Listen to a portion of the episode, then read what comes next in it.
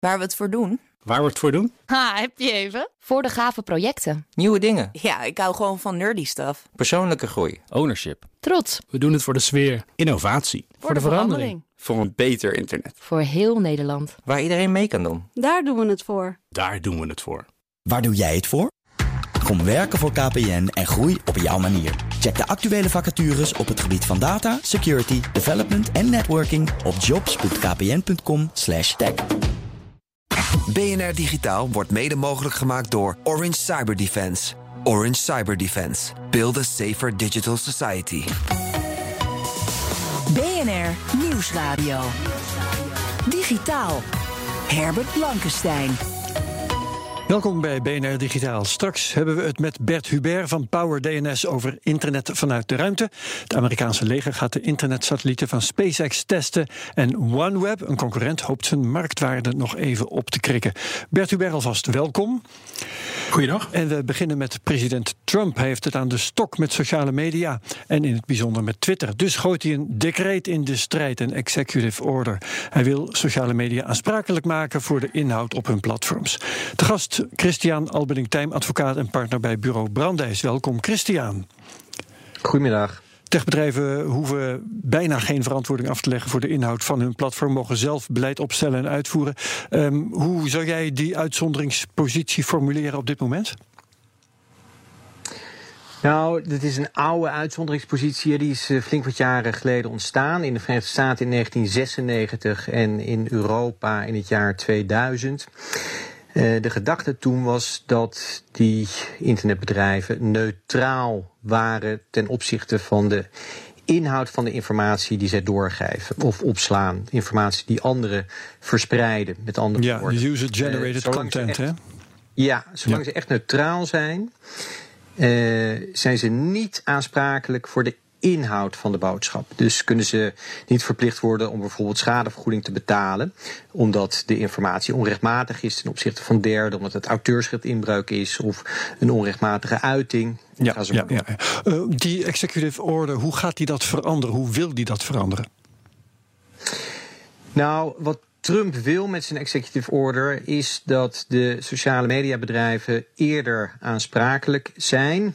Uh, dat betekent niet meer kunnen profiteren van die uh, ja, neut neutrale positie op grond waarvan ze gevrijwaard zijn van die, van die aansprakelijkheid.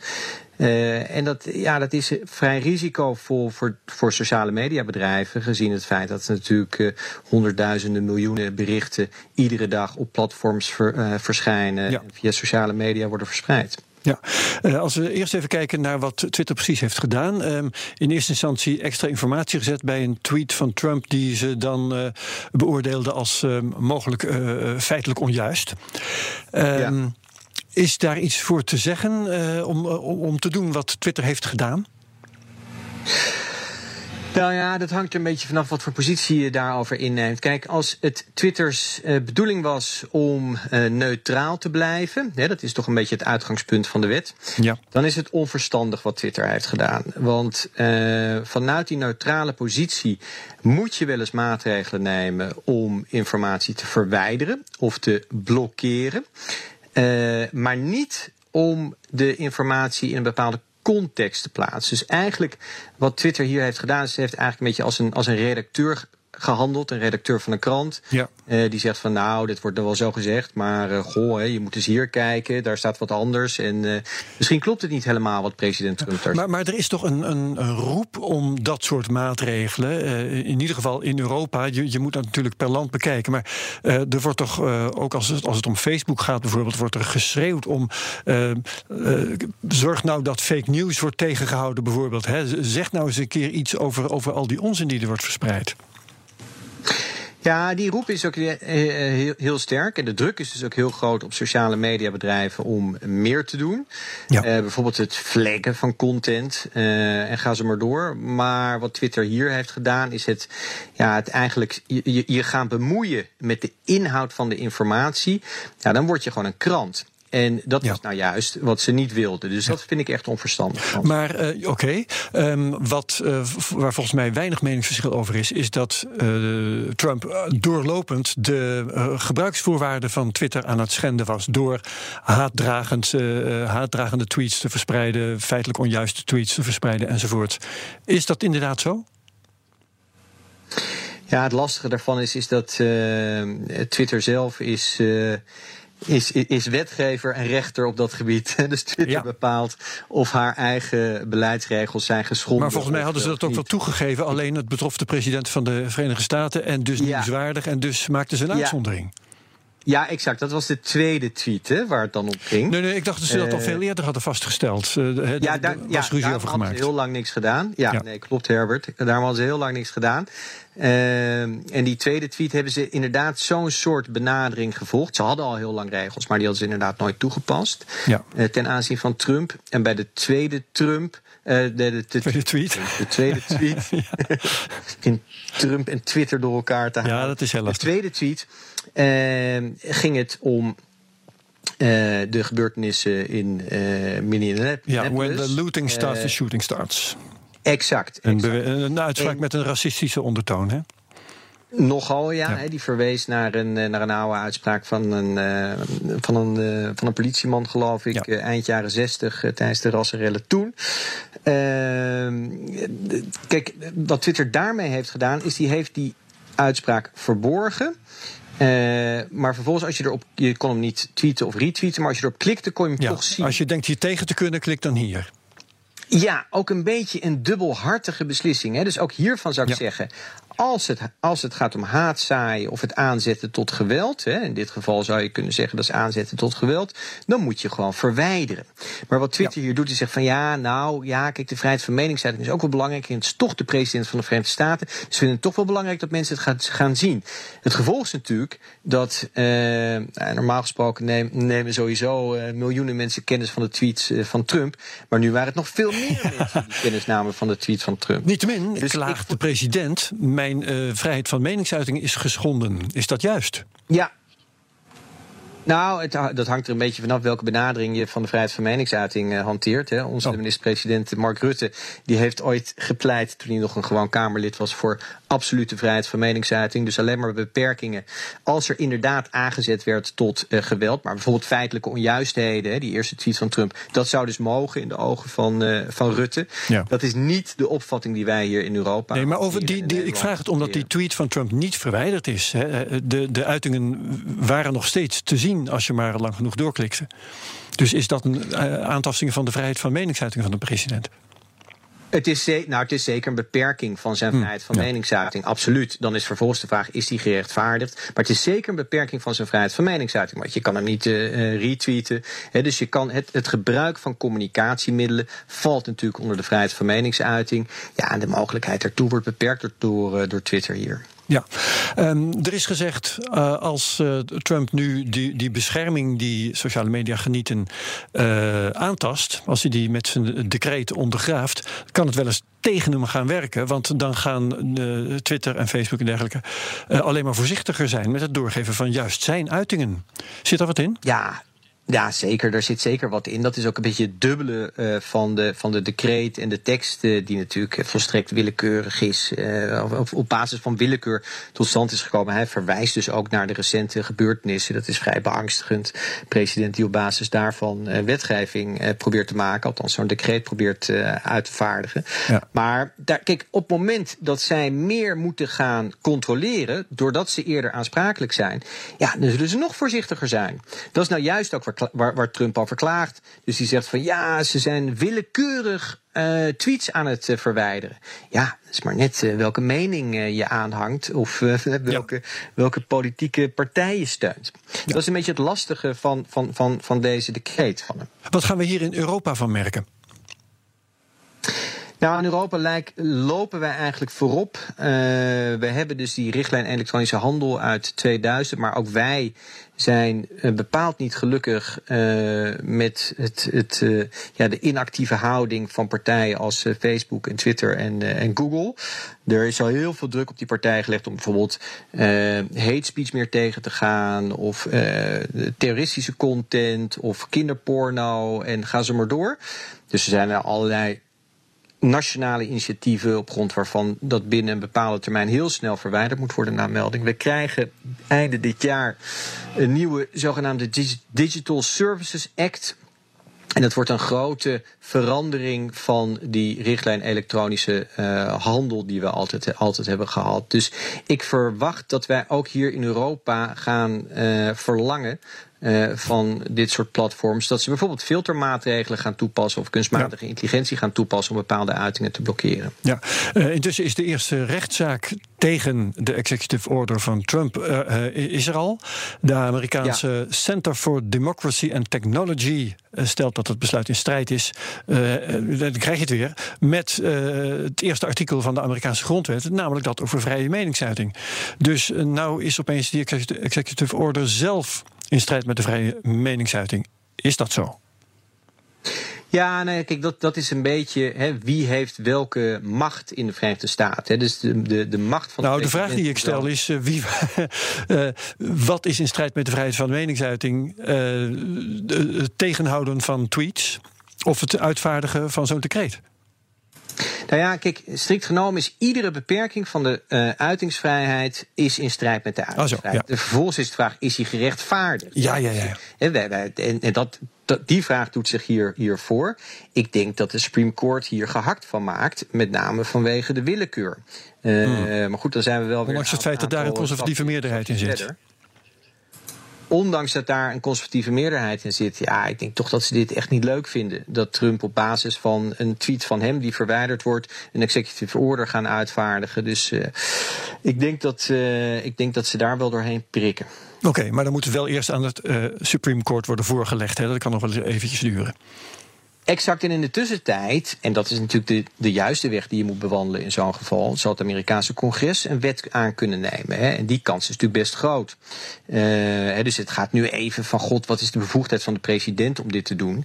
Maar ja. het Amerikaanse congres kan natuurlijk een wet aannemen. En er zijn ook al allerlei initiatieven voor in de Verenigde Staten. Dus dat al die platforms en sociale media partijen ja, uh, wat meer zullen moeten gaan doen. Dat uh, lijkt voor zich te spreken. Oké, okay.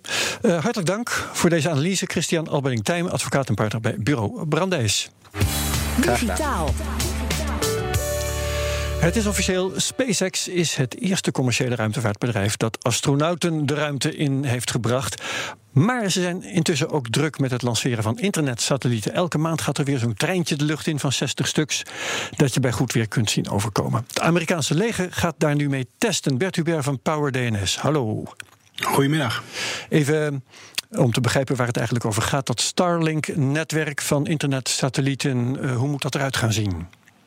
Nou, in eerste instantie um, is het, zijn er nu ongeveer 400 satellieten al in een baan om de aarde. En uh, die draaien niet al te hoog.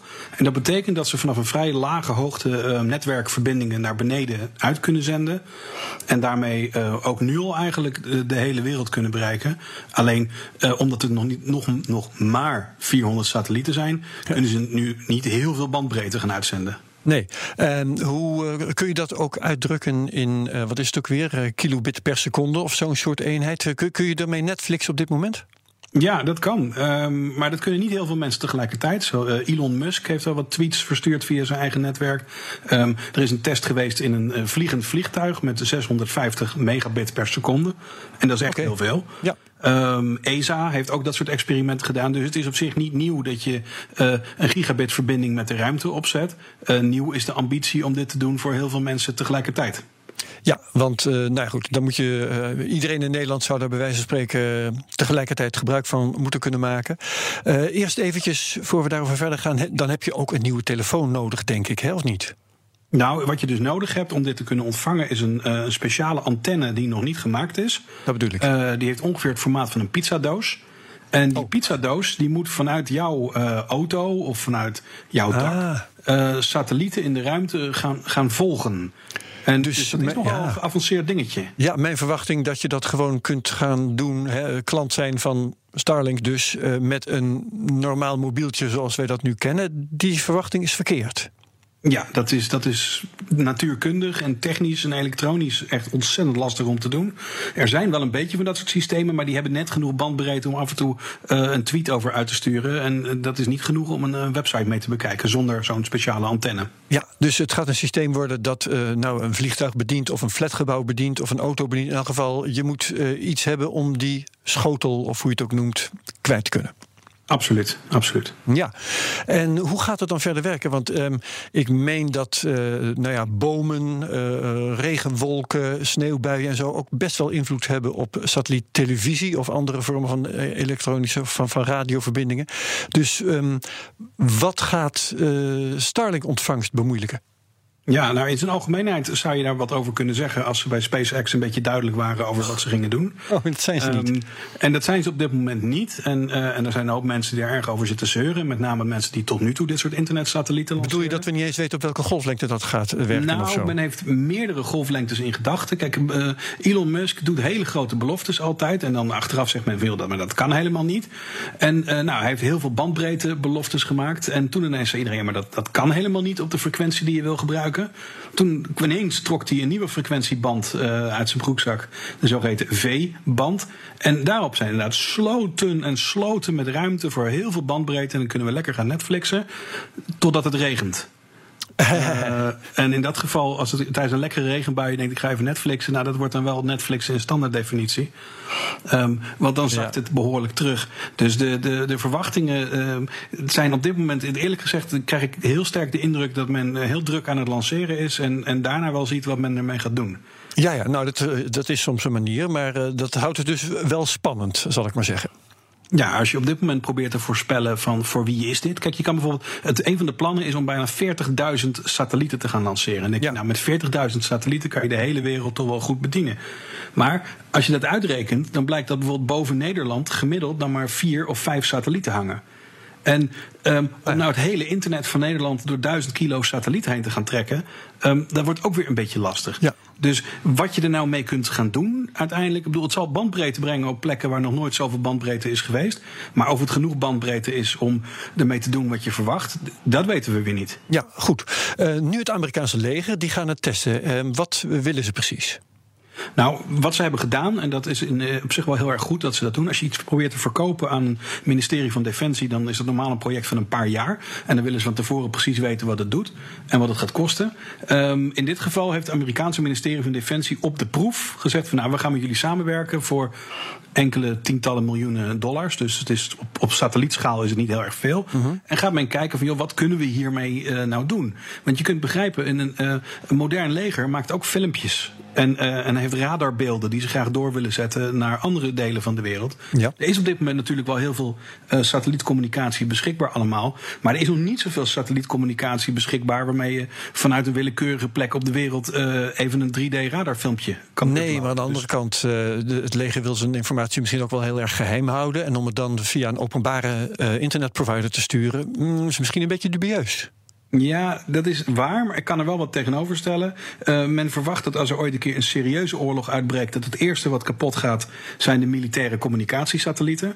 um, een van de aardige dingen van SpaceX, van hun plan met hun Starlink, is dat ze verwachten dus 40.000 satellieten te lanceren. Nou, kost wel enige moeite om er 40.000 uit de lucht te schieten. Uh, ja. Dus dat heeft ook wel weer voordelen. Oké, okay, dus het geeft een bepaalde uh, robuustheid. Ja, absoluut. Ja. Um, wat is nou precies het gat in de markt? Als ik jou zo hoor, dan is het toch vooral iets voor business to business. Nou, ik denk dat het gat in de markt meer is dat alle techneuten wisten dat dit kon. Maar iedereen zei ja, het is heel duur, want lanceren is veel te duur. En we hebben die antennetechnologieën nog niet. En wat men nu feitelijk doet, is eerst hebben ze lanceren goedkoop gemaakt. En daarna zegt men, nou, we gaan al die geavanceerde antennetechnieken nu wel proberen. Um, in de hoop dat er uiteindelijk een businessplan overblijft. Maar um, Elon Musk heeft zelf ook al gezegd dat uh, alle eerdere bedrijven die dit geprobeerd hebben, zijn allemaal failliet gegaan. Ja. Um, want kijk, dit is heel leuk voor internet en afgelegen gebieden, om maar iets te noemen. Maar een van de grote problemen van afgelegen gebieden is dat er niet zoveel mensen wonen. Um, ja, dus ze gaat niet renderen. Nee, dus dat is nogal funest voor je businessplan. Dus het is in, in, in alle eerlijkheid vind ik het een, een fantastische poging uh, om te kijken hoe ver je kan komen met de, deze technologie. Waarmee men terloops wel de hele uh, astronomie sloopt. Want die 40.000 satellieten ja. verknallen iedere poging om vanaf de aarde nog een ster te kunnen zien. Ja, die leuke treintjes uh, vindt niet iedereen leuk. Nee, um, nee. nee. maar, maar um, Elon Musk die kan misschien wel zijn eigen bedrijf in gedachten hebben. Want alle Tesla's verschepen kilo's en kilo's gigabytes. Uh, ja. per dag uh, dat ze rondrijden. En uh, dat is Tesla's ideaal om zo'n schotel te hebben. Um, dus misschien doet hij het wel voor zichzelf. Ja, dat zou kunnen. En in zoverre uh, is er wel speculatie dat SpaceX heeft het lanceren um, van satellieten nu zo goedkoop en zo makkelijk gemaakt. dat ze eerlijk gezegd uh, hun eigen grote klant zijn geworden. Want als ze die lanceringen van die Starlink-satellieten niet hadden, dan stonden al die uh, raketten droog. Um, dus in zoverre is het best mogelijk dat het mes inderdaad aan twee kanten snijdt. Dat men zegt van nou, we maken een groot netwerk waarop al onze uh, elektrische auto's aangesloten kunnen worden die we verkopen. En we doen dit eigenlijk ook zodat we onze raketten goed bezig kunnen houden. ja. Uh, zakelijk gesproken, wie, wie, wordt hier nou eigenlijk de internetprovider? Wordt dat het bedrijf Starlink? Of mogen andere internetproviders daar ook diensten op gaan aanbieden? Hè, zoals in Nederland op sommige netwerken wel of soms juist niet gebeurt? Nou, dat is, dat is nog een heel heet uh, um, discussiepunt. Um, inderdaad, het, het, internet zit niet in de ruimte. Het internet zit hier op de grond. Dus dat betekent dat alles wat je door zo'n Starlink-satelliet uh, om, omlaag krijgt, moet ook eerst omhoog gegaan zijn. En daarvoor zijn wereldwijd enorme hoeveelheden opstraalstations nodig. En ieder van die opstraalstations staan weer in een land.